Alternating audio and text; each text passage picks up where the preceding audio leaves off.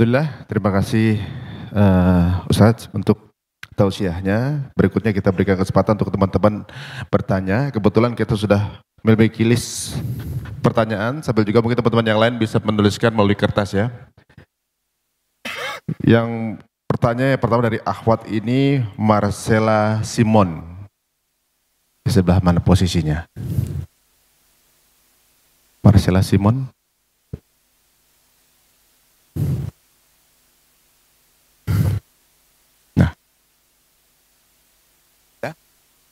Gak tahu udah listnya ini. Oh, Oke. Okay. Yang Ikhwan dulu kalau gitu sambil menunggu. wajah jauh duduk ini. Roger dan Warta. Belum hadir. Oke. Okay. Oh. Silakan Roger. Uh, Assalamualaikum warahmatullahi wabarakatuh. Waalaikumsalam warahmatullahi wabarakatuh. Senang sekali uh, kesempatan bisa bertemu dengan guru besar Ustadz Abdul Somad. Barakallah. Uh, saya baru saja menikah. Saya berharap bisa mendapatkan nasihat sedikit mengenai pernikahan baik yang baru menikah maupun teman-teman yang sudah lama menikah. sedikit nasihat mungkin Ustaz. Terima kasih. Pertama saya ucapkan barakallahu lakuma wa baraka alaikuma wa jama'a bainakuma fi khair. Barakallahu lakuma berikan berkah kepada mereka berdua ya Allah wa baraka alaikuma berikan berkah dalam mengharungi kehidupan senang dan susah lapang dan sempit wa jama'a bainakuma fi khair disatukan dalam kebaikan hadis sunnah Nabi Muhammad sallallahu alaihi wasallam. Pertama mesti difahami bahwa karena jodohlah engkau bertemu bukan karena bertemu lalu berubah menjadi jodoh. Karena bertemu lalu berjodoh atau karena ada jodoh maka bertemu? Karena ada jodoh maka bertemu. Berapa banyak orang yang bertemu tapi tak berjodoh? Berapa banyak orang yang berjodoh baru sekali bertemu langsung jadi. Tapi jangan gara-gara ini lalu tidak usaha. Nah, ini yang jomblo-jomblo besok nyantai aja. Nanti nggak ada usaha. Bukan pertemuan yang membuat jodoh, tapi jodohlah yang buat bertemu. Makanya harus ada ikhtiar dan usaha. usaha. Ini jodoh saya. Bahwa saya sudah dikasih air hari ini dua botol, satu gelas dengan permen. Ini jodoh saya. Rezeki saya ini. Tapi kalau saya tidak berusaha untuk mengambilnya, membukanya, rupanya kosong. ada yang mulai Harus ada ikhtiar. Allah kasih mata, Allah kasih telinga, Allah kasih tenaga, Allah kasih kudrat kemampuan, Allah kasih iradat kehendak. Maka gunakanlah potensi yang ada. Maka pahamilah wahai saudaraku bahwa kalian dipertemukan oleh Allah Subhanahu wa taala. Ini banyak orang sekarang salah jawab. Mas, mas, mas, iya, itu istrinya. Iya, ketemu di mana? Salah sambung. Maka sejak hari ini katakanlah Aku tak pernah mencari dia, dia tak pernah mencari aku. Allah yang sudah mempertemukan kami. Gitu, walaupun udah tua, nggak apa-apa. Setelah yakin bahwa itu adalah skenario kehendak Allah, yang kedua, khuliqatil mar'atu min dila. Perempuan itu diciptakan dari tulang rusuk yang bengkok. Wajuha a'laha, tulang rusuk yang paling bengkok, yang paling atas. Tulang rusuk yang paling bengkok, yang paling atas.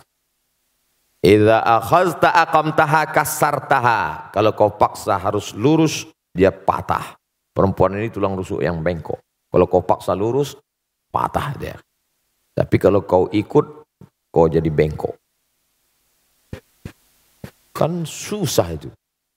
Kalau diluruskan, patah dia. Kenapa nggak pakai jilbab? Patah dia. Maka pakai lembut lah, pakai jilbab ya. Tak usahlah saya ajari, paham lah kalian tu. Pandai-pandai. Yang ketiga, man tazawwaja faqad iman. Siapa yang menikah, dia sudah menyempurnakan setengah iman. Iman itu 100%. Siapa yang sudah menikah, imannya sudah download 50%. Sisanya bukan menikah lagi. Ini perlu saya luruskan ibu-ibu. Karena banyak sekarang jamaah yang sudah pandai menafsirkan sendiri. Sisanya falyattaqillaha fin nisfil baqi takwa kepada Allah. Setakwa-takwanya anak lajang pemuda jomblo yang belum menikah imannya baru 50. Sempurnakan dengan menikah. Sebaliknya yang sudah menikah walaupun tidak takwa sudah 50. Tinggal takwa sedikit aja lagi. Oleh sebab itu maka bersyukur kita sahabat-sahabat kita. Mudah-mudahan yang belum berjodoh ditemukan Allah jodoh. Yang bilang amin yang belum nikah aja.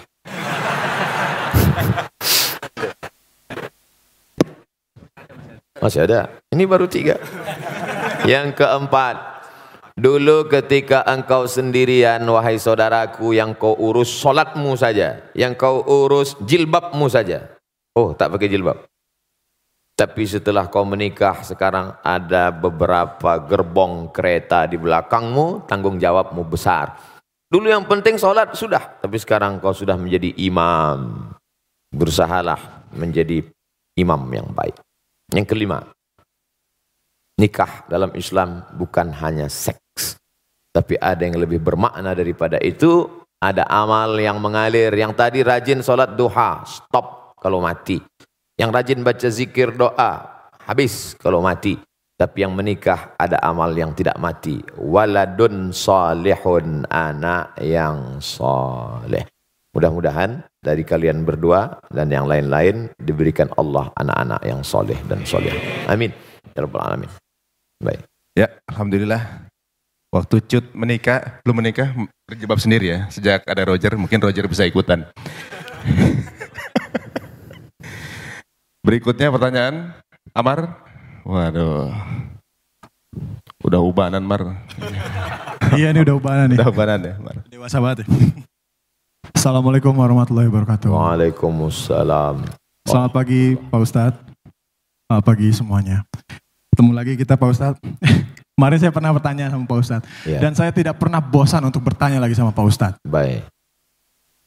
Saya tertarik sekali dengan ceramah Pak Ustadz barusan yang tentang um, ngerusak diri fisik maupun metafisik. Dan saya mengakui juga dulu, ini juga untuk menjadi contoh untuk semua saudara-saudara di sini.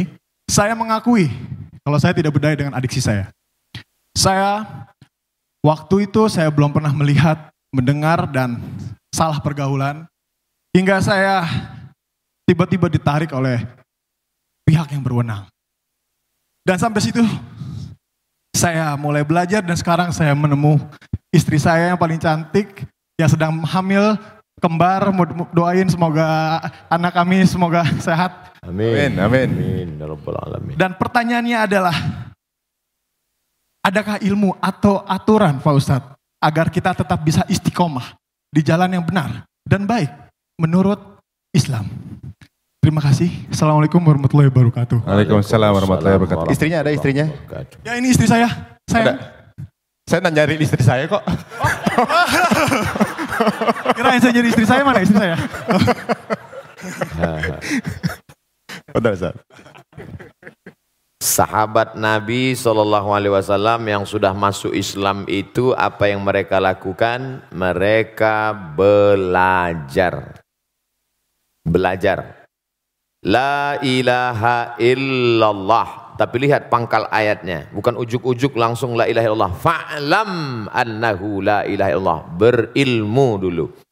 Kami belajar melalui medsos, bagus. Tapi hadir tanya Jangan baca sendiri, dengar sendiri, pahami sendiri, simpulkan sendiri, nyasar sendiri. Harus berguru. Man la syaikhalahu fasyaitanu syaikhuhu. Siapa yang tidak berguru, setan gurunya. Baca Quran aja bisa salah keliru, apalagi memahami isi Al-Quran. Oleh sebab itu yang pertama, belajar. Yang kedua, komunitas.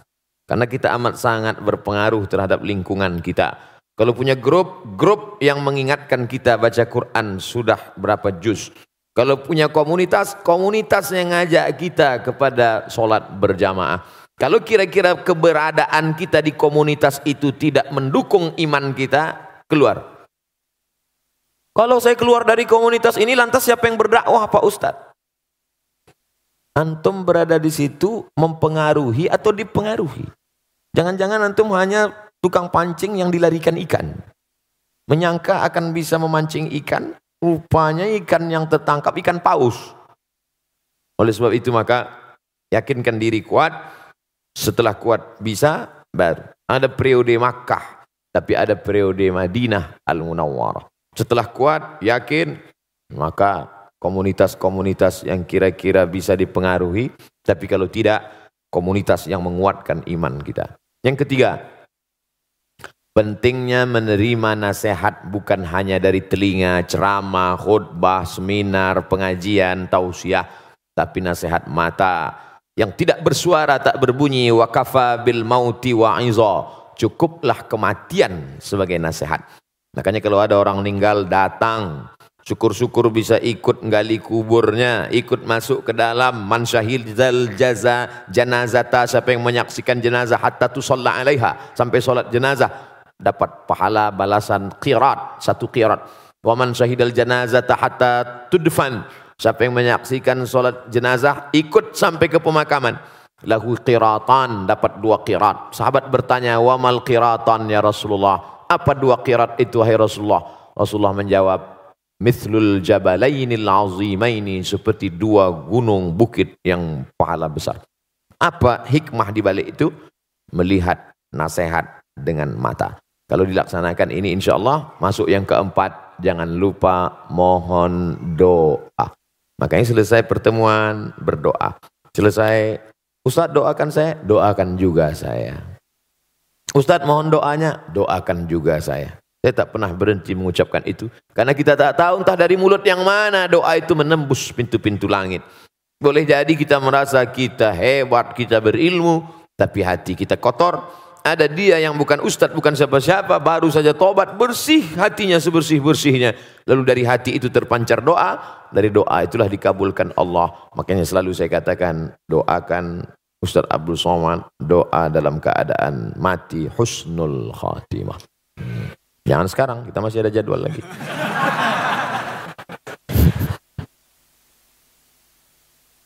Yang berikutnya kita berikan kesempatan untuk uh, teman-teman Ahwat. Ini dari Mbak Marini Zumarnis. Monggo Mbak. Mbak Marini Zumarni.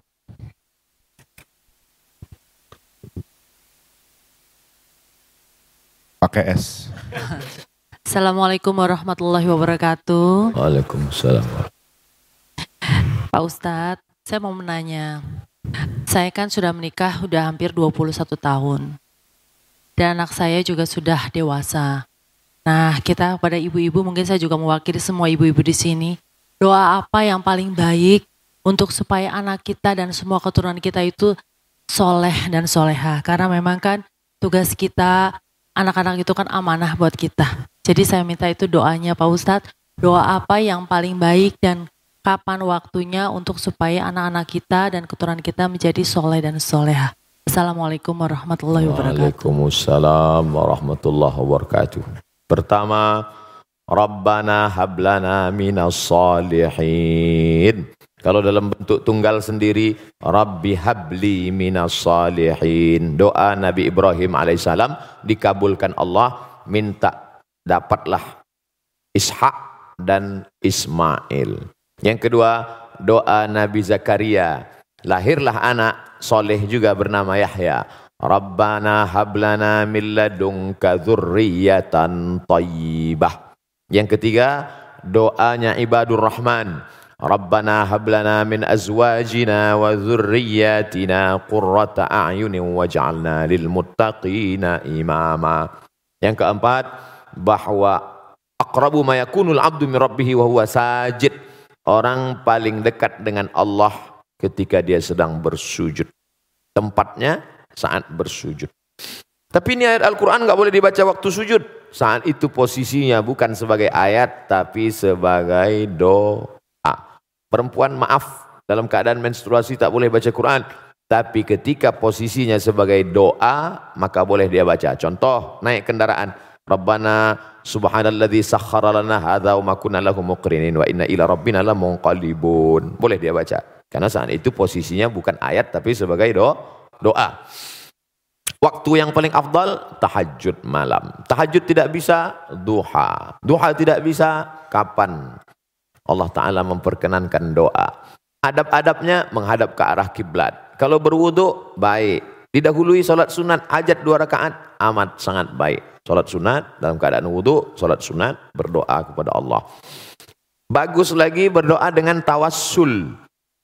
Tidak membawa tangan hampa kosong, tapi ada yang disebut dalam doa. Hadisnya Sahih Bukhari tentang tiga orang yang terjebak di dalam gua. Tiba-tiba pintu gua tersumbat, tertutup. Lalu dia berdoa, Ya Allah, aku pernah punya pembantu. Pembantuku itu pergi. Sebelum dia pergi, gajinya tidak diambil. Maka gajinya aku belikan kambing, kambingnya beranak pinak, banyak. Tiba-tiba pembantuku itu datang, lalu aku panggil dia, Hei pembantu, kemari ambil kambing-kambingmu ini semua, ambillah. Maka aku bermohon kepadamu ya Allah berkat kemuliaan sedekahku itu, bukakan pintu gua ini, terbuka. Itu dalil boleh berdoa menyebut amal bertawassul namanya. Ya Allah, berkat anak yatim yang kusekolahkan itu kemarin, walaupun cuma sebulan aja. Tapi jangan ditulis di medsos. Jangan kuat-kuat. Kadang ada juga orang berdoa ini biar lupa dengar di sebelah. Ya Allah berkat masjid yang kubantu 100 juta kemarin. yang disebutkan. Yang kedua, orang dalam gua tadi berdoa, Ya Allah, aku punya seorang ibu dan ayah setiap aku pulang membawa susu kambing ke rumah, istriku menangis belum makan, anakku meraung kelaparan, tapi ku tunggu ibu dan ayahku terbangun. Setelah mereka terbangun baru ku berikan. Kalau memang baktiku kepada engkau ini membuat doa terkabul, kabulkan doa, terbuka. Yang ketiga, ya Allah, aku tidak kaya seperti dia bisa bersedekah dan aku tidak bisa berbakti karena orang tuaku sudah meninggal Aku hanya melakukan satu, hampir melakukan perbuatan dosa, tapi tidak jadi karena takut kepadamu. Kalau rasa takut ini pun bisa membuat doa terkabul, bukakan pintu, terbuka pintu gua. Oleh sebab itu, berdoa ada waktunya, ada adabnya, dan dengan tawassul baik. Mudah-mudahan anak-anak kita dijaga, dipelihara dari perbuatan maksiat dan dosa. Baik. Berikutnya kami berikan kesempatan untuk Teh Desi Teh Desi Ratnasari.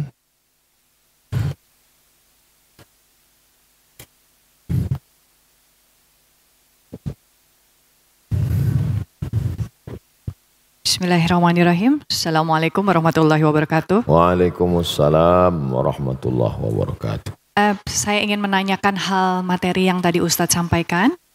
Ustadz tadi menyampaikan terkait dengan ada bagian tubuh kita yang kita bisa rasa kita lihat, badan, dan juga ruh.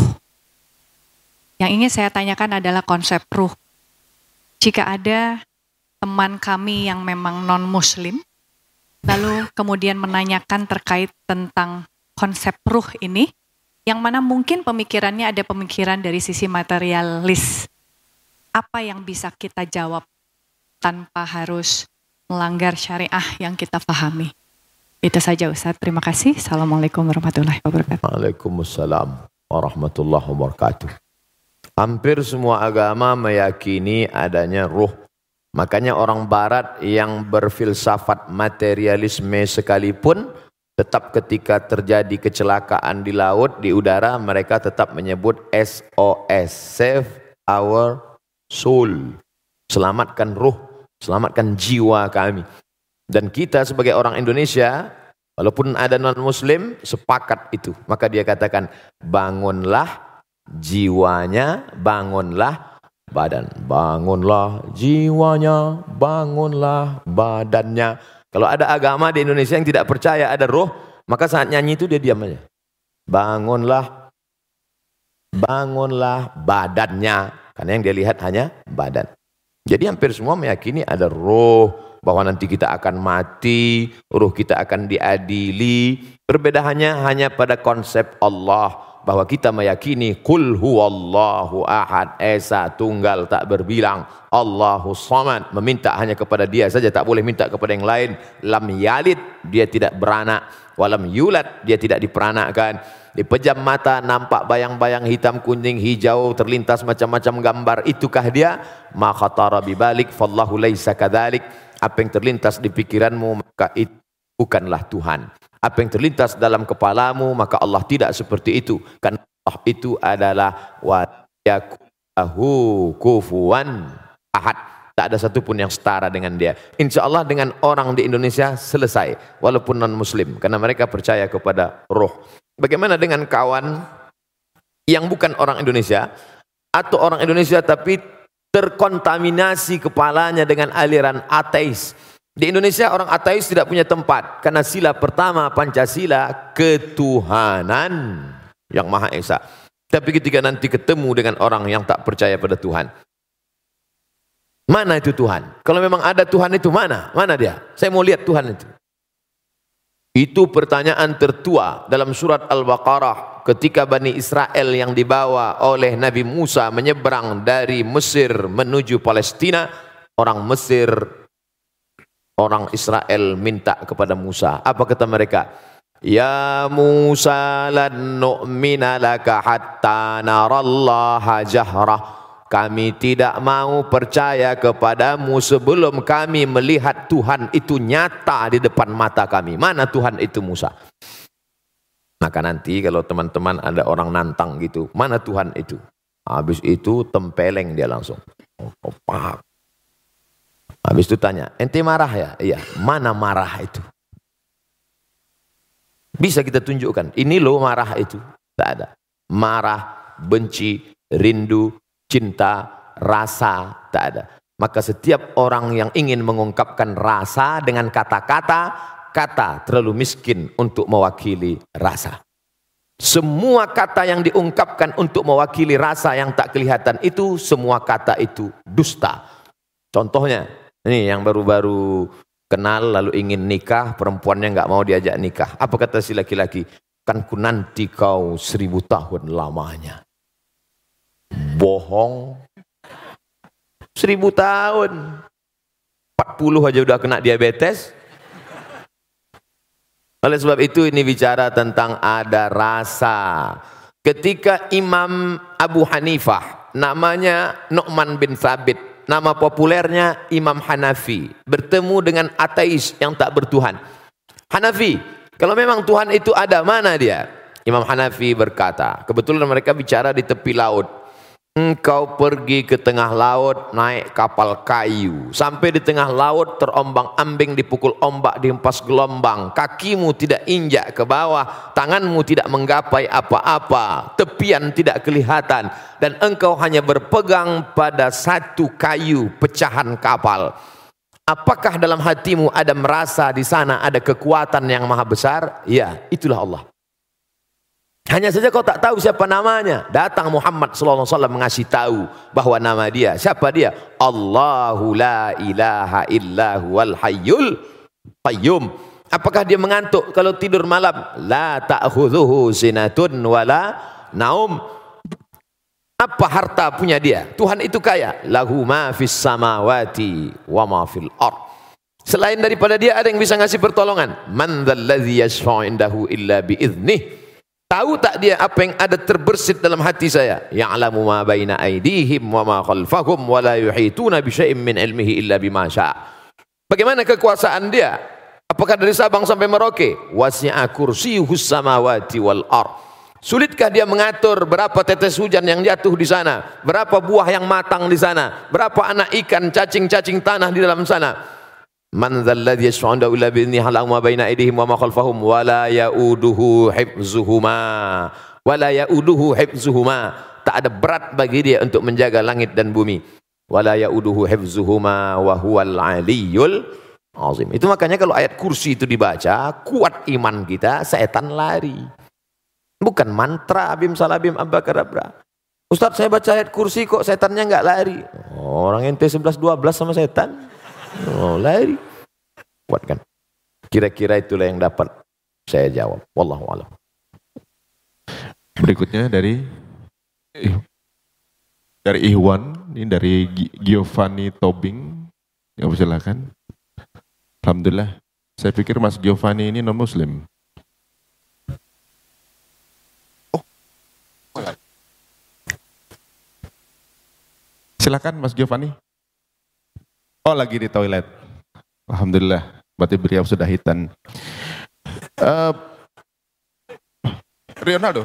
Ronaldo. Ronaldo. Mau tanya juga? Di toilet juga mungkin bersama Giovanni. Oke. Okay. Baiklah. Sepertinya list yang diberikan panitia uh, dari teman-teman yang sudah booking pertanyaan sudah selesai. Hmm? Oh ya, berikut dari Omar. Umar. Umar, Umay. Omar Mita, itu Ustadz loh. Oh, Kak Omar Dani, Kang Omar Dani. Kang Omar Dani, mangga. Sudah, sudah, aman. Oke, okay. oh, aman. Ada lagi mau bertanya dari Iwan?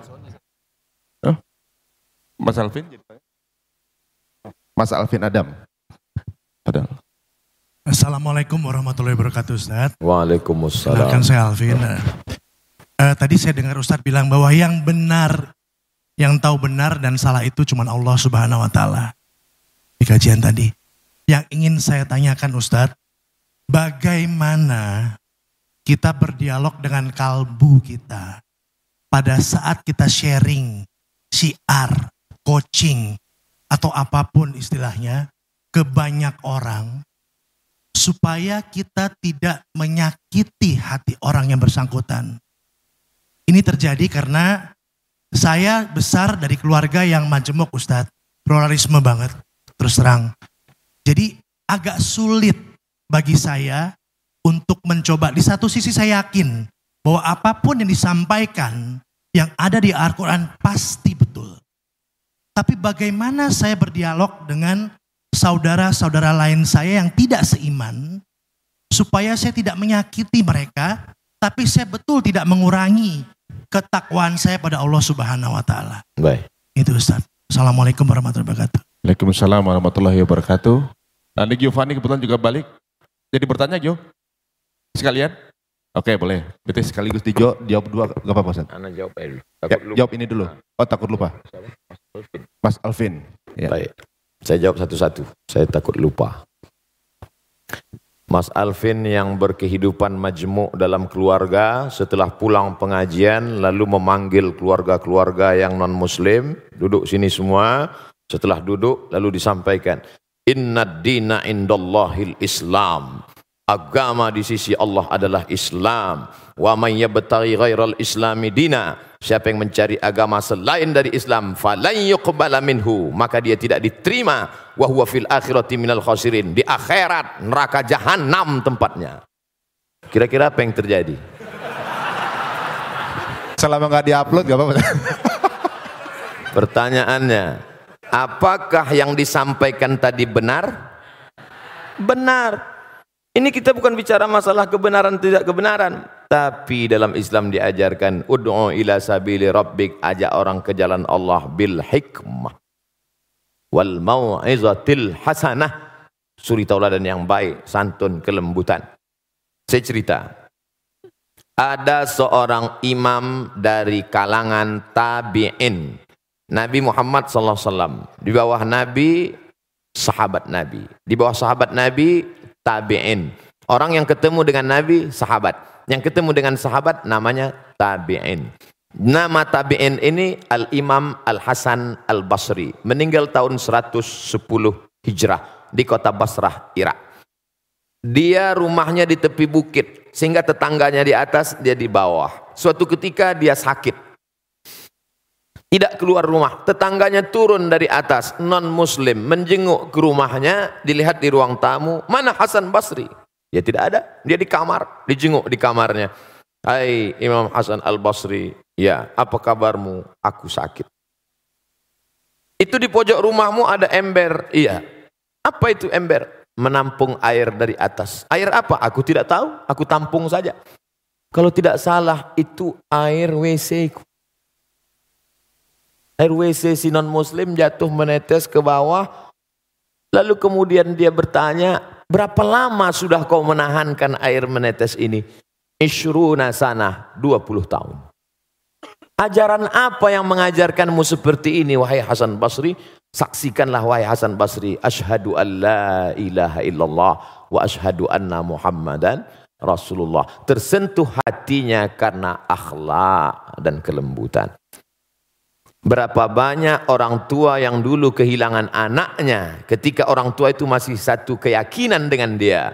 Tak pernah datang, mabuk narkoba. Tapi ketika sudah masuk Islam, membawa makanan, menyentuh kebaikan, memeluk ciumnya. Karena Islam tak melarang putus hubungan walaupun beda agama. Akhirnya orang tua itu tersentuh berkata, dulu kusangka kalau anakku pindah agama dia akan hilang.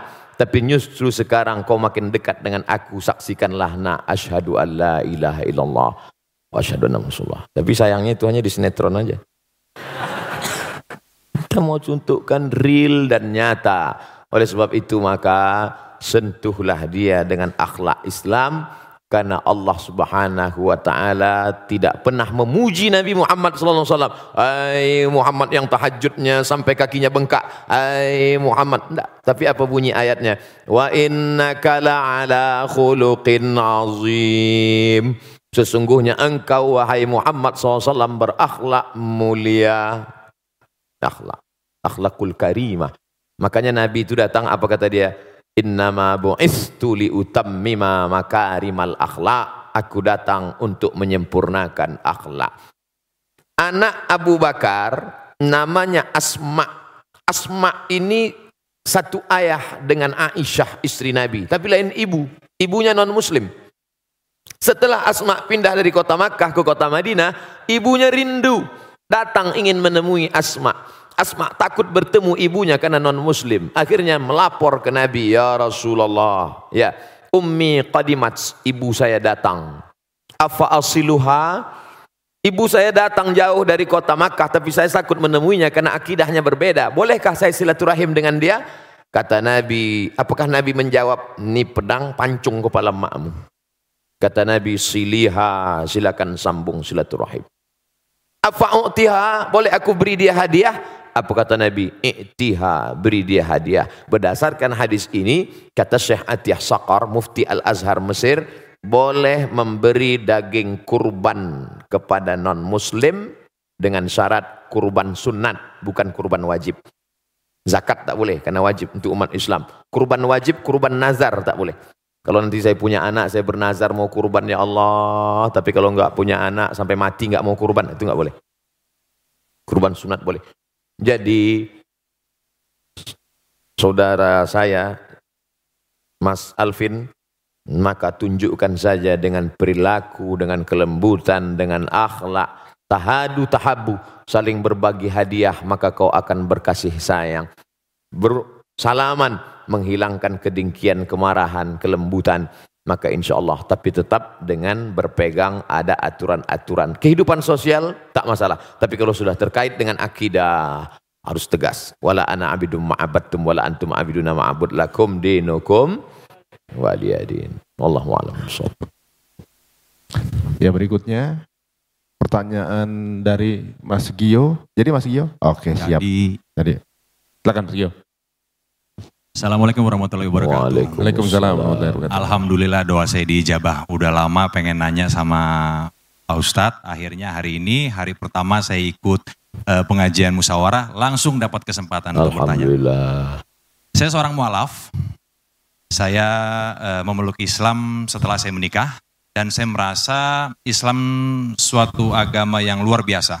Waktu sebelum saya memeluk agama Islam, saya ke gereja pun setahun sekali udah syukur. Tapi saya bertransformasi menjadi seseorang yang berusaha untuk menjadi lebih baik di Islam sampai bisa sholat lima waktu, mempelajari yang lain-lain. Pertanyaan saya sama Pak Ustadz adalah, kemarin itu saya udah, eh, anak saya ada tanya sama saya. Jadi eh, kalau surat ini bunyinya apa? Wah saya mulai nggak tahu nih. Ya kan? Nah saya, saya rasa saya mulai harus belajar eh, banyak mengenai Islam, mengenai eh, surat dan lain sebagainya pertanyaan saya yang mungkin ini adalah keresahan hati juga beberapa saudara-saudara kita yang mualaf Pak Ustadz. Bagaimana kita memilih guru yang benar? Yang pertama. Yang kedua, oh sorry, bagaimana kita tahu kita memilih guru? Caranya memilih guru untuk eh, memadu kita supaya kita tidak berada di jalan yang salah. Dan kalau kita sudah memilih, yang kedua, bagaimana kita tahu kalau guru pilihan kita itu benar? Yang ketiga, saya eh, ada sedikit tahu kalau di dalam Islam itu ada beberapa mazhab. Mazhab apa yang kira-kira bisa dan cocok untuk saya, bagaimana cara saya memilihnya? Sekian kira-kira pertanyaan dari saya. Assalamualaikum warahmatullahi wabarakatuh. Waalaikumsalam warahmatullahi wabarakatuh. Berarti Mas Gio benar ya. Tadi saya hampir salah ini ya. Katanya sudah mualaf. Alhamdulillah. Monggo silakan Ustaz. Apa saya jawabin Ustaz?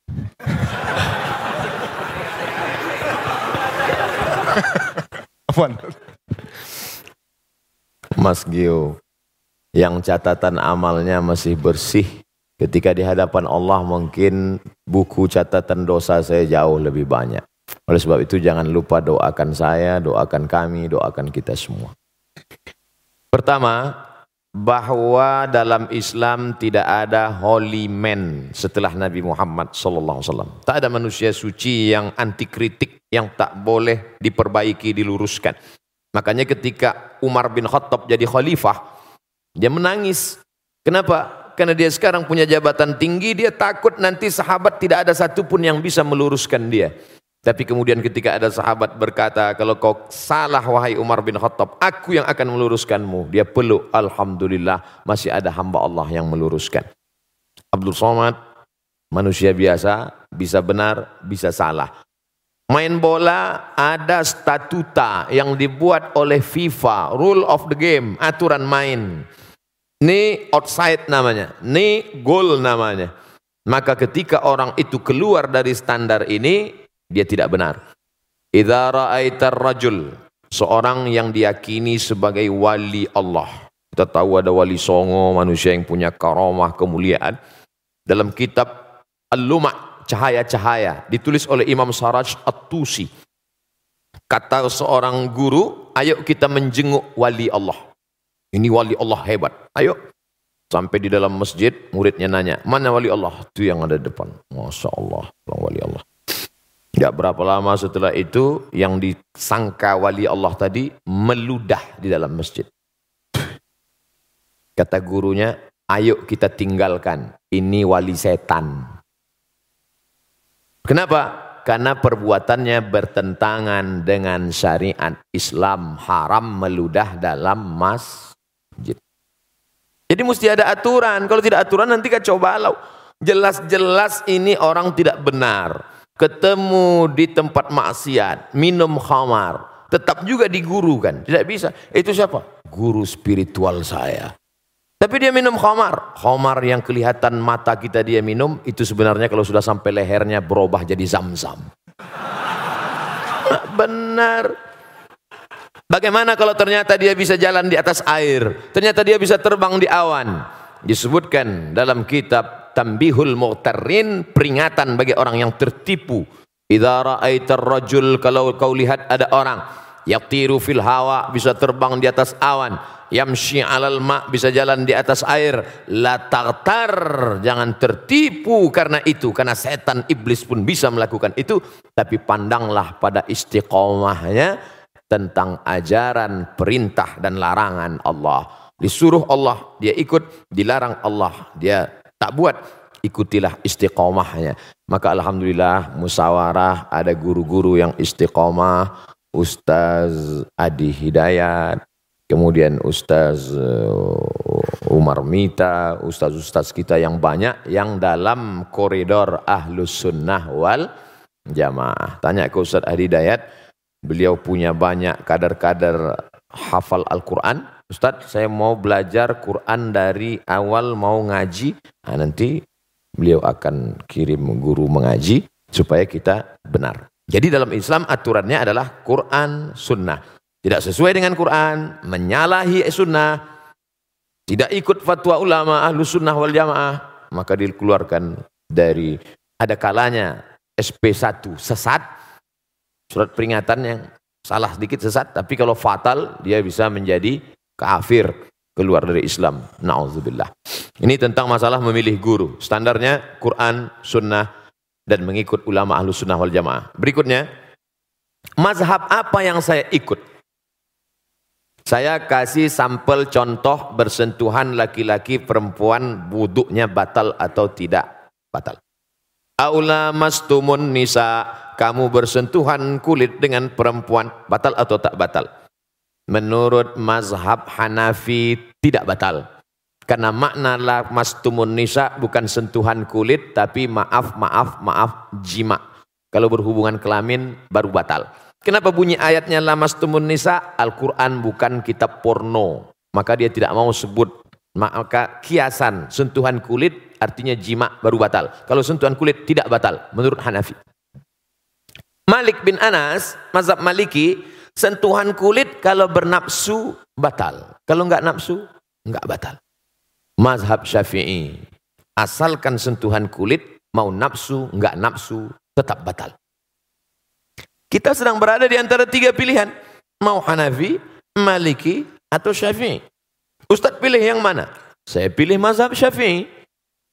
Oh, karena Ustadz tidak pernah belajar mazhab Maliki. Saya belajar di Maroko. Maroko 100% mazhab Maliki.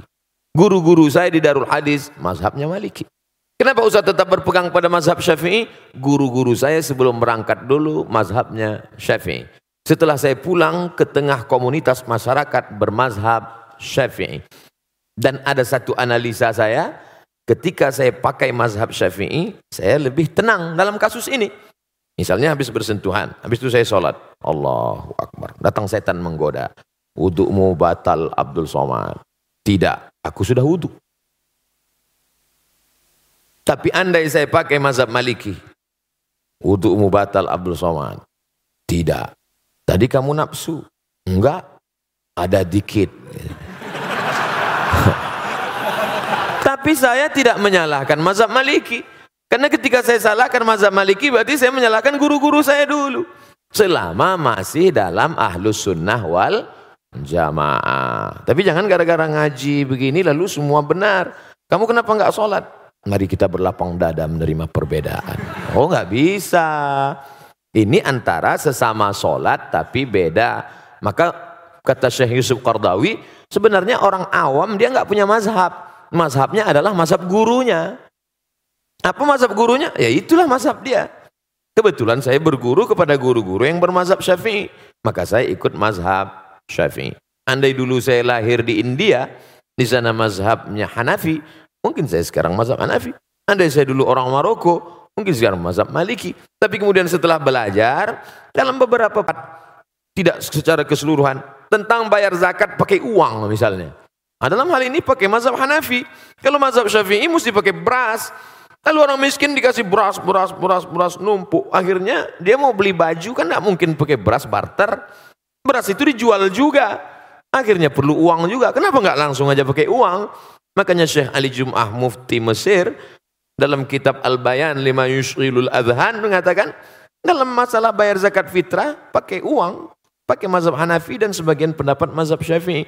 Nah, jadi dalam hal ini kita berguru, ikut guru kita yang selamat dari syirik, yang selamat dari bid'ah dalalah, yang selamat dari kesesatan dan kita tenang beramal. Allahu a'lam Alhamdulillah, mudah-mudahan menjawab Mas Gio. Uh, berikut ini ada kabar gembira. Salah satu di antara teman kita ada yang uh, ingin bermualaf. Masih ada. Oh, okay. bukan umum ya, bukan dipublish ya. Oke, okay, siap. Um, saya salah baca. Oke, okay, baiklah kalau gitu. Uh, pertanyaan dari Syarul Gunawan. Waduh, di belakang. Oke. Okay gundul tapi menawan. Silahkan Kang Syarul, oke silahkan. Untung deket Gio. Ya. Udah deh ya. Ketemu Gio lagi, ketemu teman-teman dulu. Ya, Assalamualaikum warahmatullahi wabarakatuh. Ustadz Abdul Somad, Alhamdulillah bisa bertanya lagi sama Antum. Insya Allah. Yang pertama tadi saya mau menanyakan mengenai uh, fisik atau metafisik atau psikis mengenai ria Ustaz. Saya sudah 12 tahun bergerak di bidang travel umroh haji, hanya sebatas saya mengawal. Tapi ilmu saya Masih jauh Ustaz. Uh, ketika saya memposting foto-foto atau video untuk kepentingan promosi saya di travel, saya merasa bahwa ya ini kan tergantung niat. Saya kan ingin promosi.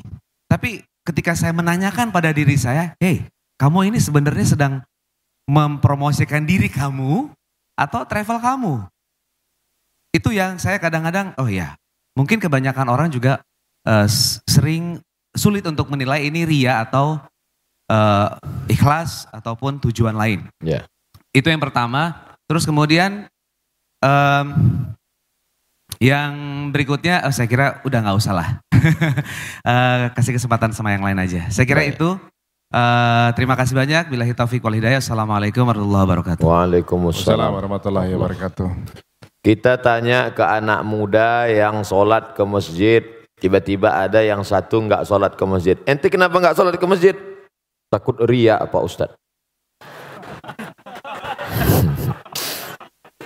Standar ria bukan lewat perasaan, tapi standar dalam Islam adalah syariat, Quran dan sunnah.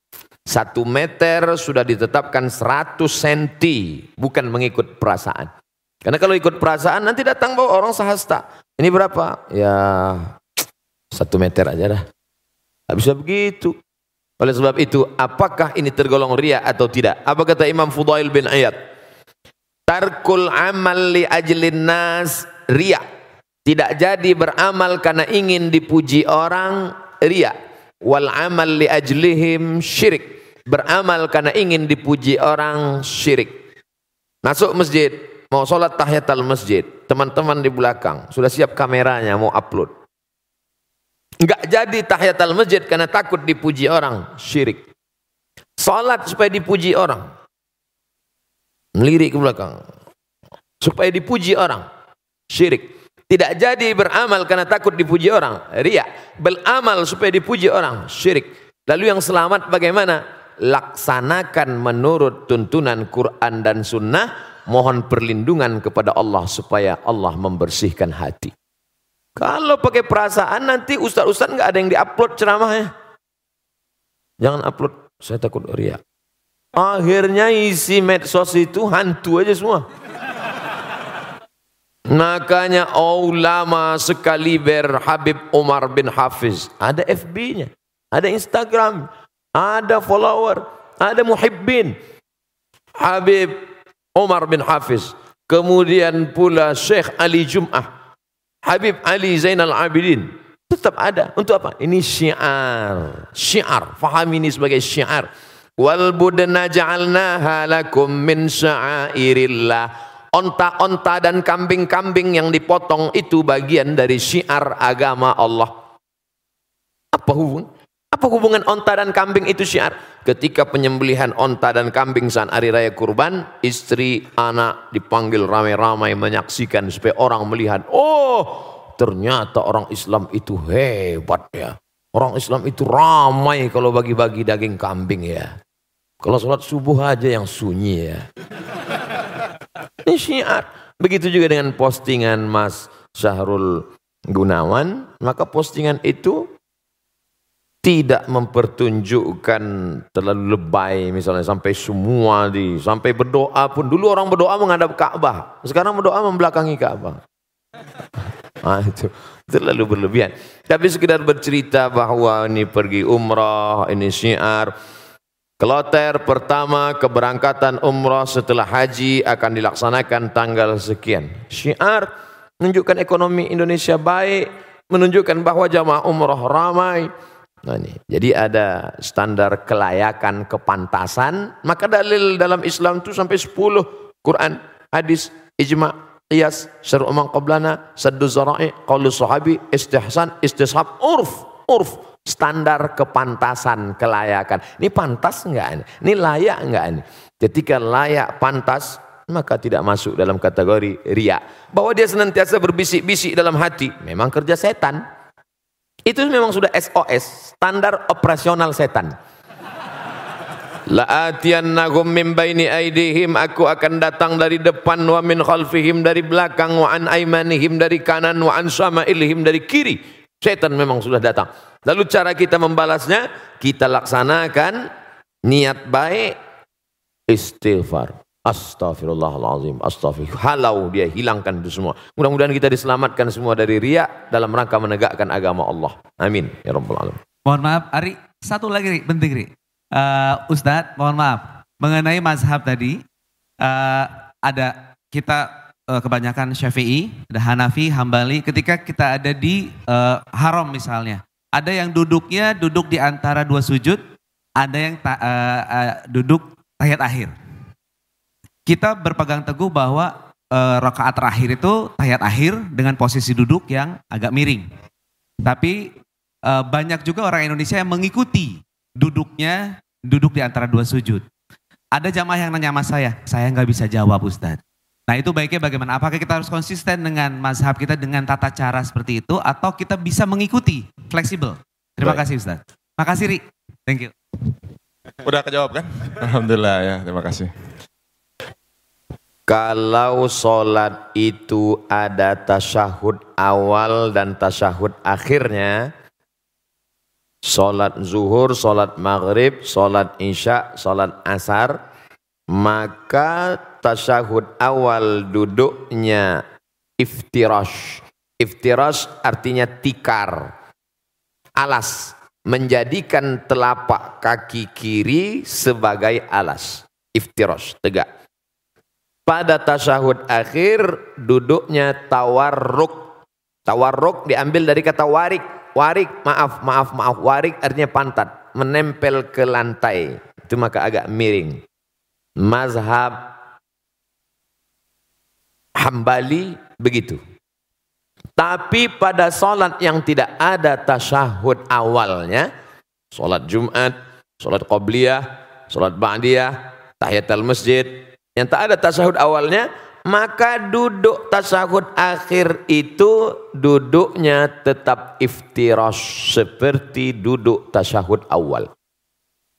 Makanya kita lihat di Saudi Arabia, ada mazhab Maliki, ada mazhab Hambali. Mereka tasahud akhir tapi duduknya seperti duduk kita tasahud awal. Sedangkan mazhab Syafi'i, solat apa pun namanya, setiap tasahud akhir, maka duduknya mesti tawarruk menempel ke bawah.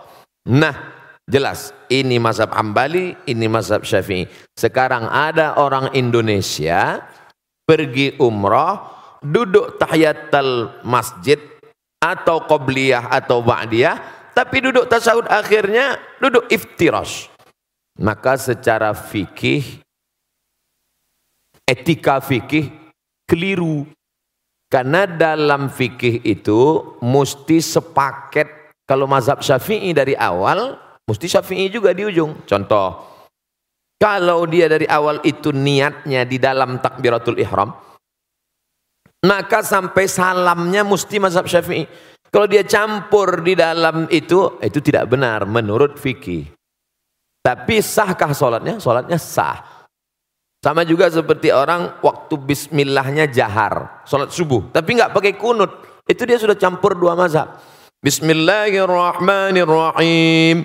Alhamdulillahi rabbil alamin. Itu mazhab Syafi'i. Mestinya setelah rakaat kedua, Allahumma hdina fi man hadait.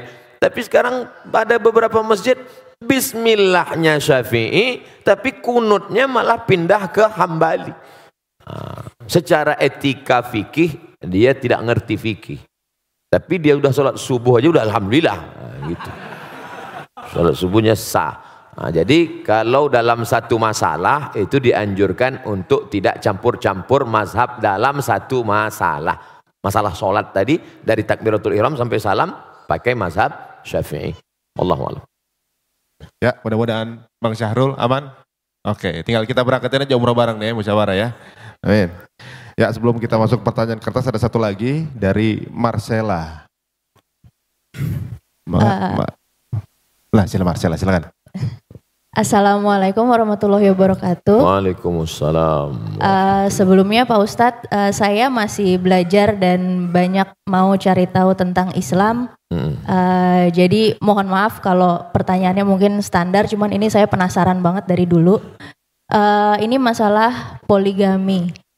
Kalau wah ibu-ibu di sini pada shh, pada langsung gitu. kalau yang saya tahu, yang saya yakini dari dulu, uh, manusia itu kan diciptakan berpasang-pasangan. Lalu Hawa itu diciptakan dari tulang rusuknya Adam. Nah ini kalau masalahnya poligami, lalu kalau nikahnya sampai empat itu sisanya yang misalnya namanya Siti, apa Susi, apa Santi itu tulang rusuknya dari mana itu Pak Ustadz? Terus sama uh, kalau memang diperbolehkan asalkan bisa adil katanya gitu ya Pak Ustadz. Uh, ini kalau menurut Al-Quran sendiri adil itu tolak ukurnya seperti apa Pak Ustadz? Karena kan kadang-kadang kalau uh, Rasulullah mungkin kita tahu untuk adil pasti bisa, nggak mungkin nggak gitu kan. Tapi kalau suami yang manusia biasa, kadang istrinya aja setiap kali ngeliat mukanya istighfar gitu kan banyak-banyak istighfar. Terus dia mau poligami itu gimana caranya Pak Ustadz ngomongnya? Baik. Makasih Pak Ustadz. Pertama bahwa hadis tentang khuliqatil mar'atu min dila' perempuan diciptakan dari tulang rusuk bermakna kiasan. Tulang rusuk melindungi jantung atau jantung melindungi tulang rusuk. Tulang rusuk yang melindungi jantung. Perempuan itu tulang rusuk. Laki-laki itu jantung. Maka perempuan yang melindungi laki-laki. Makanya dalam Quran disebut hunna libasul lakum wa antum libasul lahun. Perempuan menjadi pakaian bagi laki-laki menutupi segala cacat, aib dan kekurangannya. Maka tulang rusuk menjadi pelindung bagi laki-laki. Nah, jadi jangan dipahami tekstual lalu sebelum menikah minta surat catatan dokter berapa yang hilang tulang rusuknya. Nah, saya nggak mau nikah sama kamu, tulang rusukmu hilang tiga, berarti bini kau tiga katanya. Ini yang pertama. Yang kedua, Nabi Muhammad SAW menikah dengan Khadijah monogami 25 tahun. Monogami, istri tunggal. Baru poligami sekitar 10 atau 12 tahun. Mana yang lebih lama dalam kehidupan Nabi? Monogami atau poligami? Nampak jawaban serentak. Monogami.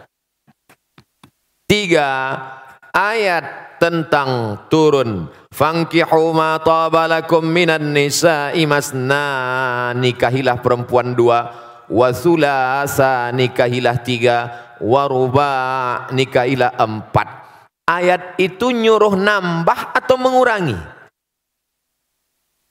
mengurangi karena dulu orang Makkah istrinya unlimited edition maka turun ayat ini untuk menyuruh kurangi.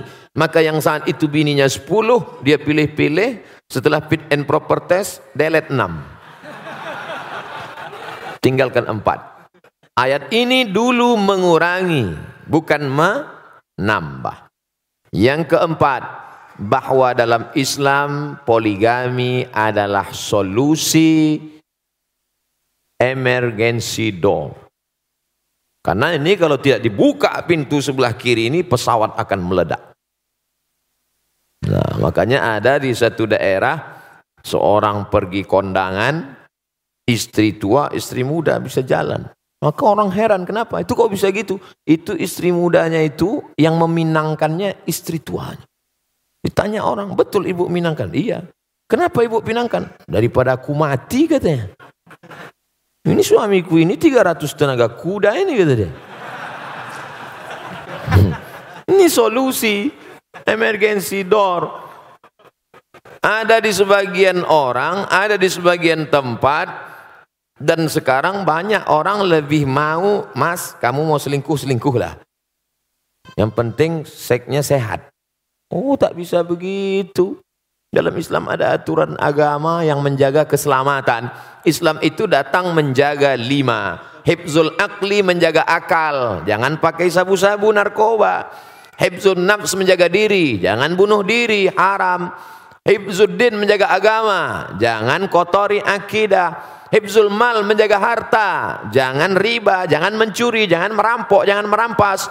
Hibzul art menjaga kehormatan. Jangan caci maki, olo-olo, ejek. Lima menjaga. Kalau dengan poligami bisa menjaga, lanjutkan. Tapi justru menghancurkan, jangan.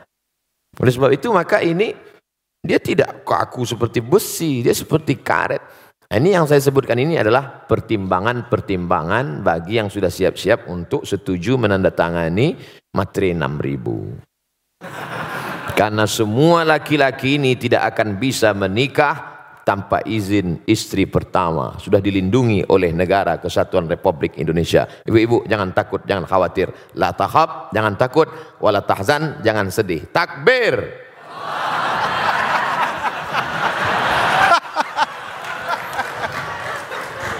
Pas istri saya lihat Ustaz. Alhamdulillah ya, aman ya ibu-ibu ya. Aman. Baiklah, uh, berikutnya kami persilakan Ustaz untuk uh, pertanyaan yang dari kertas. Apa yang dimaksud punuk unta? Sebuah hadis yang diutarakan untuk wanita. Punuk unta salah satu sampel contoh. Tapi banyak hadis lain substansi maknanya adalah saya sebutkan satu. Ayat Quran bahkan La yadribna bi arjulihidna. Janganlah memukul kaki ke lantai. Dipakai gelang kaki bergemerincing. Yadribna bi arjulihidna. Dipukulkan kaki ke lantai waktu jalan. Kerincing, kerincing, kerincing, kerincing, kerincing. Satu. Dua. La tabarrujna tabarrujal jahiliyatil ula. Jangan bersolek-solek jahiliyah. Tiga jangan memakai seperti punuk unta naik ke atas. Dari tiga sampel contoh ini, ini makna substansinya adalah norak. Berlebihan, lebih dari normal, abnormal, supaya diperhatikan orang. Adapun sekedar mengikat rambut, kebetulan rambut dia panjang, maka diikatnya pakai karet gula. Diikatnya. Lalu kemudian ketika dia pakai jilbab agak menonjol sedikit. Ya nggak apa-apa. Tapi sengaja dipakai tinggi ke atas supaya ketika dia lewat semua wow. Jadi jangan ditangkap sampelnya, tapi yang diambil adalah substansinya. Karena sekarang banyak orang perempuan tidak seperti punuk onta tapi noraknya lebih daripada punuk onta. Pahami ini dengan baik. Tentang masalah gemerincing di lantai tidak ada lagi. Tentang solek jahiliyah tidak lagi. Tentang punuk onta tidak. Dia selamat dari tiga kasus. Contoh tapi substansi noraknya masih bertahan maka hukumnya dia tetap kena intinya wajar-wajar saja Kau diperhatikan orang bukan norakmu, tapi karena prestasimu. Kau diperhatikan orang bukan karena make upmu, tapi karena cahaya bekas wudukmu. Karena tahajudmu memancar. Ini kan ingin mencari hati orang supaya suka. Padahal hati orang itu punya Allah. Kalau Allah sudah menanamkan cinta ke dalam hatimu, maka hati-hati hamba itu pun ikut cinta kepada engkau. Oleh sebab itu maka raihlah cinta Allah dengan tahajud, raihlah cinta Allah dengan baca Quran dan zikir, bukan dengan yang semu, bukan dengan yang hilang. Karena kita akan capek melelahkan diri sendiri hanya dengan kepalsuan-kepalsuan. Kenapa dia bercahaya wajahnya? Bekas wudhu. Masya Allah. Emang saya tayamum. Artinya kita tetap beramal, berdoa, biarlah orang suka karena Allah menanamkan suka itu bukan karena dibuat-buat karena sesuatu yang dibuat-buat kita akan lelah capek sendiri normal saja apa adanya apa boleh seorang anak naik haji tapi orang tuanya belum pernah pergi haji pulang dari sini kau ambil kain selendang kau gendong ibumu dari Jakarta jalan kaki ke kota Makkah. Sampai di Makkah kau tawaf tujuh putaran, naik ke Bukit Sofa, pergi ke Marwah tujuh putaran, tahallul. maka belum dapat menebus sekali teriakannya saat melahirkanmu. Oleh sebab itu yang punya uang, senangkanlah hati orang tua. Buatlah ibumu seperti raja, maka rezekimu akan seperti raja-raja. Bukan hadis Nabi, saya ketemu di grup WhatsApp. Senangkan orang tua. Karena setelah Allah langsung orang tua. Wa qadha rabbuka alla ta'budu illa iyyah.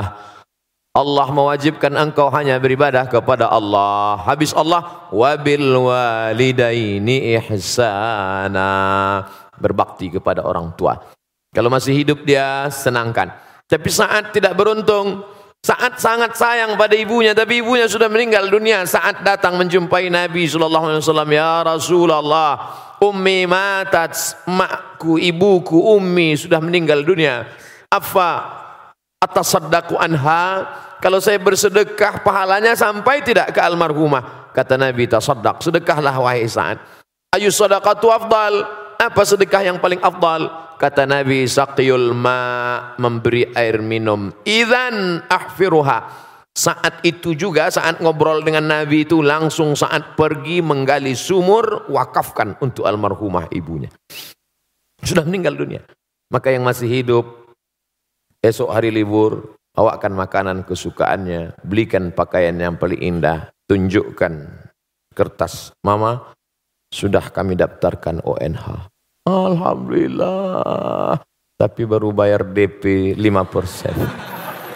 Doakan supaya rezeki kami halal berkah. Saya sudah banyak berjalan, jauh berjalan, banyak dilihat, lama hidup, banyak dirasa. Di balik kesuksesan orang-orang besar itu saya lihat, saya perhatikan. Rupanya di ruang kamarnya ada gambar ibunya. Rupanya saat dia kata sambutan bercerita tentang ibunya. Rata-rata kebesaran orang-orang hebat itu berawal dari doa ibu, ayah juga. Luar biasa.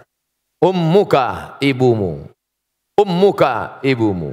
Ummuka ibumu. Saat Nabi ditanya, ayun nas Man haqqun nas bi husni suhbati. Siapa orang yang paling layak mendapatkan baktiku? Ummuka. Setelah itu abuka, bapakmu.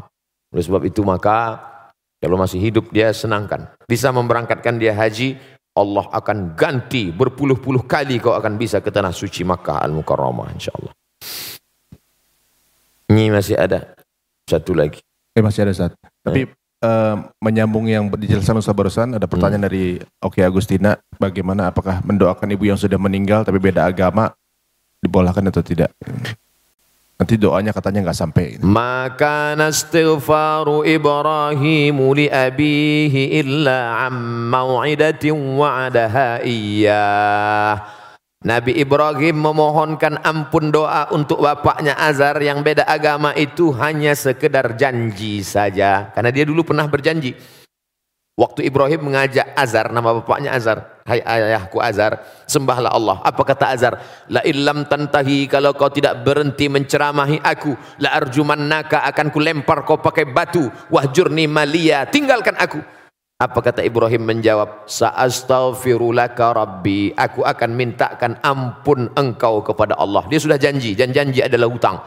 Falamma tabayyana lahu annahu aduwwul lillah setelah jelas bagi Ibrahim bahwa bapaknya itu musuh Allah, tak beriman kepada Allah, tabarra'a minhu, dia melepaskan diri, artinya tak dia doakan.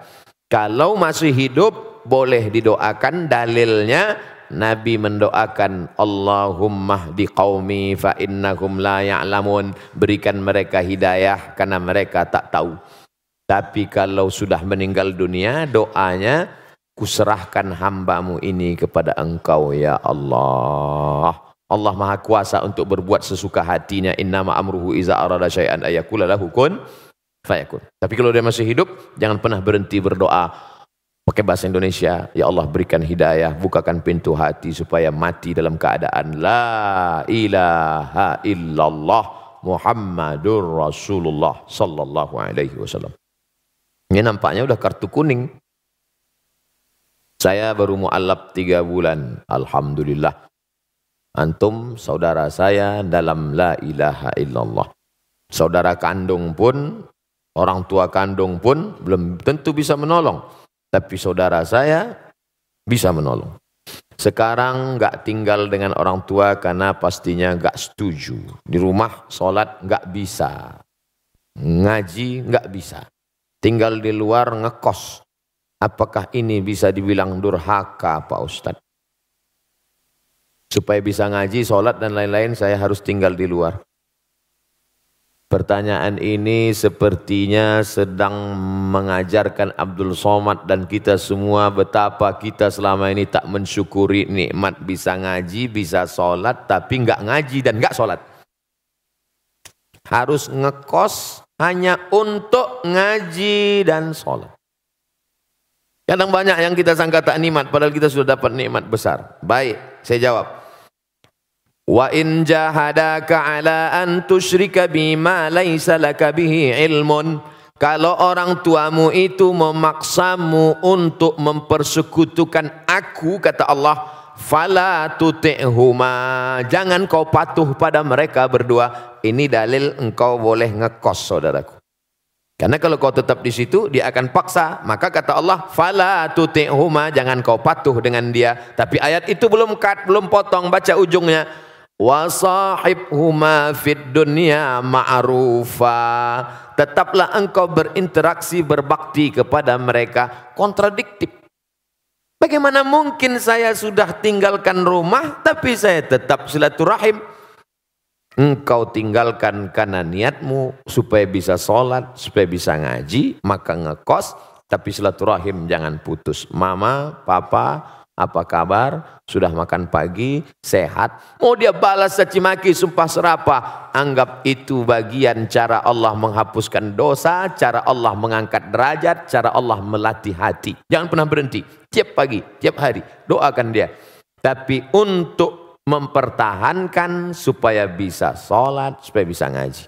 Mudah-mudahan Allah berikan hidayah. Sehingga sampai masanya nanti. Sulitkah bagi Allah? Tak ada yang sulit. Qalbul mu'min baina asabi'ir rahman. Hati manusia ini di jari jemari Allah. Di jari jemari kuasa kudrat iradat Allah SWT. Insya'a kalau dia mau dia buat begini. Kalau dia mau dia buat begini. Lalu kenapa tidak dia kasih saja hidayah semua Pak Ustaz? Kalau semua dia kasih hidayah lalu kita dapat apa? Ayah dia Allahu bika rajulan wahidan. Satu orang dapat hidayah karena mulutmu, karena SMSmu, karena sharemu, karena statusmu. Khairum min humurin na'am. Lebih baik daripada kau memiliki seekor onta yang merah. Pernah bapak ibu kawan-kawan lihat onta warna merah? Onta itu kuning, hitam yang jarang-jarang mandi. Kan ada onta merah. Onta merah Onta yang bulunya kemerahan seperti brown, seperti itu mahogani adalah onta termahal yang unik. Maka orang yang tak dapat, dia dapat. Boleh jadi Ustadz Somad yang ceramah tak dapat itu. Karena Ustadz Somad menceramahi orang yang sudah baik-baik semua. Orang yang sudah ngaji. Setelah yang sudah hijrah, sudah ngaji, kumpul. Barulah datang Abdul Somad. Assalamualaikum warahmatullahi Sementara ada yang dia bukan ustadz, tapi dengan merangkul, sering ngajak, ngaji, akhirnya dapat hidayah. Maka jangan pernah berhenti, tetap ngekos, tetap sampai Allah bukakan pintu hati hidayahnya insya Allah. Amin. Ya Rabbal Alamin. Ustaz, terakhir Ustaz. Baik. Dari Mas Adrian. Moga Assalamualaikum warahmatullahi wabarakatuh. Waalaikumsalam warahmatullahi Saya yakin setiap di antara kita tidak ada yang akan memberikan anak-anaknya, istrinya, keluarganya daging babi. Kenapa? Karena babi diharamkan oleh Allah. Tapi tanpa kita sadari masih banyak di antara diri kita, saya atau mungkin saudara-saudara kita yang masih memberikan keluarganya sesuatu yang mengandung riba. Yang jelas dalam Al-Baqarah 275 Allah menghalalkan jual beli sedangkan mengharamkan riba.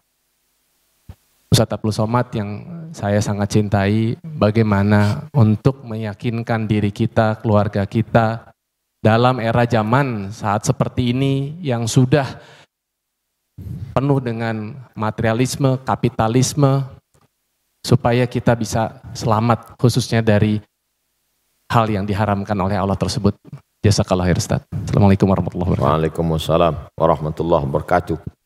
Mengapa orang terjebak pada riba? Pertama kita tidak tahu. Yang tidak tahu kita kasih tahu. Setelah tahu maka harus berubah. Mengapa orang terjebak pada riba? Karena kebutuhan ekonomi terdesak. Pilihannya cuma dua. Kalau tidak riba, mati. Maka dalam hal ini berlaku hukum darurat. Ad-darurat tubihul mahzurat. Yang darurat membolehkan yang terlarang sampai daruratnya hilang. Oke, termaafkan. Emergensi. Yang ketiga, terjebak pada riba karena style. Kalau tidak ngutang, tidak dianggap sebagai orang kaya. Akhirnya terjebak pada kehidupan yang selmu dan palsu. Kerja setan, la udillannahum, aku sesatkan mereka. Setelah sesat, wala umanniyannahum, aku buat mereka berhalusinasi. Kau yang paling cantik, kau yang paling kaya, kau yang paling hebat, kau yang paling-paling. Padahal dia saja yang merasa. Orang lain lihat dia malah jijik. Nah ini jebakan setan. Lebih bahaya daripada jebakan Batman. Yang keempat, maka Allah Ta'ala menyebutkan beberapa ancaman. Ancaman pertama, Alladzina ya'kuluna riba Orang yang makan riba. La yaqumuna illa kama yaqumu alladhi yataqabbatuhu syaitanu minal mas. Bangkit dari kubur ketika nanti ditiupkan sangka kala Seperti orang yang kerasukan setan. Kata orang Jawa kesambet. Begitulah nanti bentuk dia di padang mahsyar. Dua Ayyuma lahmin setiap daging di badan nabata min haramin kalau tumbuh dari yang haram. Fannaru aulabih tempatnya api neraka. Sepiring nasi riba disuap berubah menjadi setetes darah haram masuk ke dalam jantung merusak otak anak yang hijau yang bersih jadi kotor darah dari jantung naik ke otak nasiyatin kadzibatin khati'ah. Ubun-ubun pendosa. Kenapa ubun-ubun? Karena otak depan yang berpikir rusak disebabkan makan riba makan haram.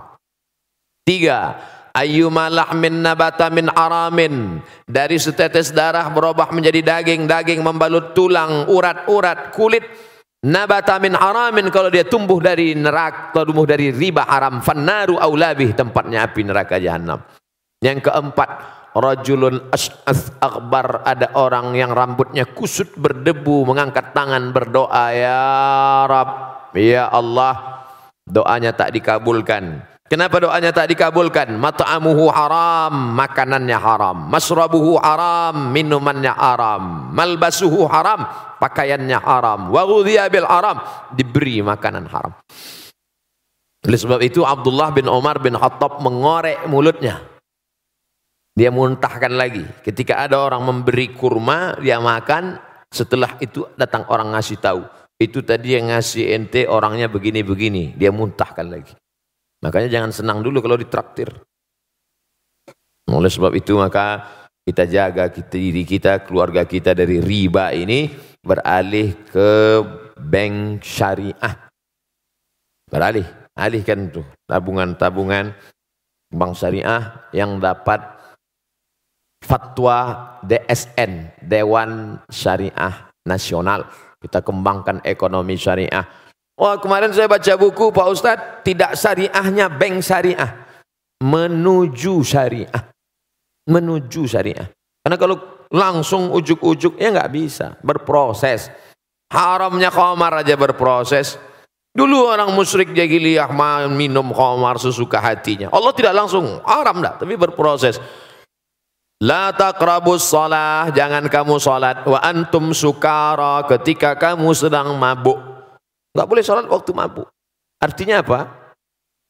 Kalau enggak dalam salat boleh mabuk. Tapi jangan dipakai sekarang. Ini cerita tentang pengharaman khamar dulu. Jadi kalau mau sholat zuhur jam 12, mabuk jam 9, ya enggak apa-apa, mabuk aja. Atau jangan dipotong. Dulu nih ceritanya sebelum pengharaman. Setelah umat Islam mulai menjauhkan khamar, Karena ketika itu ada sahabat yang mabuk minum sampai lupa ayat sambil mabuk salat. Wala ana abidum ma'abadtum wala antum ma'abiduna ma'abud. Wala ana abidum ma'abadtum wala antum ma'abiduna ma'abud. Wala ana abidum ma'abadtum. Nah keturun ayat la taqrabu salata wa antum sukara. Jangan kamu salat ketika kamu mabuk hatta ta'lamu ma taqulun sampai kamu sadar apa yang kamu ucapkan. Artinya umat Islam sudah mulai menjauhi khamar, setelah jauh baru turun ayat kedua. Yas'alunaka 'anil khamri wal maisir. Kalau mereka bertanya kepadamu tentang khamar dan judi, qul katakan fihi ma ismun kabir. Dosanya besar. Tapi manfaatnya juga besar. Tetap cerita manfaat, tapi udah mulai agak-agak jauh. Setelah jauh, jauh, jauh, baru turun ayat pemungkas yang ketiga. Innamal khamru, khamar, sabu-sabu, narkoba, wal maisir, judi, wal ansab, menyembelih binatang untuk berhala wal azlam mengundi nasib. Rijusun najis min amali syaitan perbuatan setan. Fajtanibu jauhi. Nah, jadi finalnya begitu. Begitu juga tentang proses ini berdiri bank muamalat lalu bank-bank konvensional buka cabang divisi syariah 16 tahun 15 tahun baru boleh mendirikan sendiri beberapa bank de bank daerah bank Aceh Bank NTB, Bank Sumatera Barat, nah, ini Bank Riau nah, berubah menjadi bank syariah. Mudah-mudahan semuanya dalam proses, walaupun mungkin kita tidak lagi hidup di atas dunia, tapi anak-anak cucu kita mendapatkan bank syariah ini sehingga murni dari riba insya Allah. Amin. Ya Rabbal Alamin. Amin ya rabbal alamin. Alhamdulillah ya rabbal alamin. Sepertinya uh, sesi tanya jawab sudah berakhir. Sebelum kita masuk ke salat zuhur, ada baiknya kita uh, apa namanya mendengarkan doa penutup dari Ustaz. Fadal Ustaz. Astaghfirullahalazim. Astaghfirullahalazim. Astaghfirullahalazim. Alladzi la ilaha illa huwal hayyul qayyum wa atubu ilaih. Rabbana alaika tawakkalna kepada engkau kami bertawakal ya Allah wa ilaika anabna kepada engkau kami berserah diri ya Allah wa ilaikal masir kepada engkau kami semua akan mati menghadapmu ya Allah Rabbana fir lana dzunubana ampunkan dosa silap dan salah kami wali ummahatina ibu yang sudah melahirkan kami 9 bulan 10 hari mengandung kami berapa kali dia tidak jadi solat duha gara-gara kami menangis di pelukannya Berapa kali dia sudah ambil wudhu akan tahajud juga tidak jadi karena kami menangis sampai pagi. Berapa kali dia tidak jadi mengganti baju hari raya demi kami. Berapa kali dia harus kena panas terik demi sekolah kami. Hari ini saat kami ingin membalas budi baiknya, dia sudah berada di dalam tanah. Tak dapat kami balas selain berdoa, Rabbana ufir lana wali walidayna warhamhuma kama rabbayana saghira. Allahumma ja'al abna'ana wa banatina anak-anak kami. Dulu di zaman kami kecil godaan ada, tapi di zaman anak-anak kami begitu hebat dan dahsyat. Selamatkan mereka dari narkoba, ya Allah. Selamatkan mereka dari zina. Selamatkan mereka dari pergaulan bebas. Selamatkan mereka dari segala perbuatan dosa dan maksiat. Ya muqallibal qulub. Wahai engkau yang membolak balikkan hati. Sabit qulubana. Kokohkan hati kami ala dinik dalam agamamu wa ala ta'atik dalam ketaatan kepadamu ya Allah. Allahumma alif baina qulubina hati yang sudah kau satukan dalam iman dan Islam ini maka jaga hati kami jangan sampai dirusak hanya karena hasad dan dengki ya Allah. Allahumma tahhir qulubana minal hasadi wan nifaqi wal kibriya. Jaga hati kami dari sifat angkuh dan sombong. Jaga hati kami dari sifat syirik dan ria. Jaga hati kami dari segala yang membuat amal kami hilang sia-sia tak dapat menjadi bekal saat menghadapmu nanti ya Allah. Allahumma barik lana fi amwalina. Berikan berkah pada harta yang kau titipkan kepada kami sehingga harta itu tidak menjadi istidraj nampaknya seperti nikmat tapi ternyata di balik itu semua azab. Jadikan harta kami berkah sehingga kami bisa berinfak, berwakaf, bersekolah, menyantuni anak yatim, membayarkan sekolah fakir miskin, mendirikan rumah jompo, menyantuni mereka yang kekurangan ya Allah. Allah barik lana fi ahlina wa auladina. Berikan berkah pada keluarga kami sehingga dapat kami membimbing sampai saat kami nanti menghadapmu ya Allah. Allahumma ja'al hadzal balada baladan aminan mutmainnan ya'tihi rizquhu min kulli makan. Jadikan negeri tempat tinggal kami negara kesatuan Republik Indonesia negeri yang aman, damai, bersih dari segala kehancuran, perpecahan, terbuka pintu rezeki dari segala penjuru.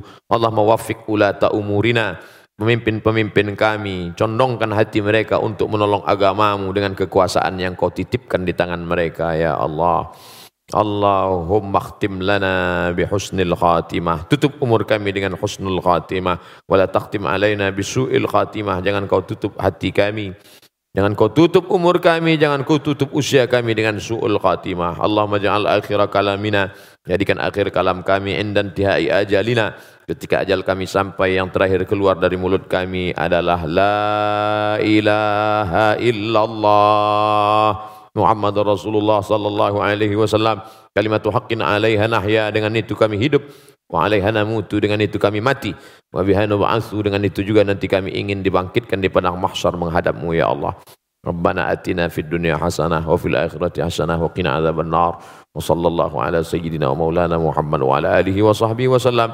Walhamdulillahi rabbil alamin. Taqabbalallahu minkum. Minna ya terima kasih segala perhatian. Mohon maaf banyak silap salah kata tak berkenan di hati. Wassalamualaikum warahmatullahi wabarakatuh Waalaikumsalam warahmatullahi wabarakatuh. Teman-teman semuanya kita akan langsung melaksanakan sholat duhur. Teman-teman mohon di, uh, ditemani Ustadz kita untuk berada di saf salat dan juga kita ingatkan teman-teman untuk sampah-sampah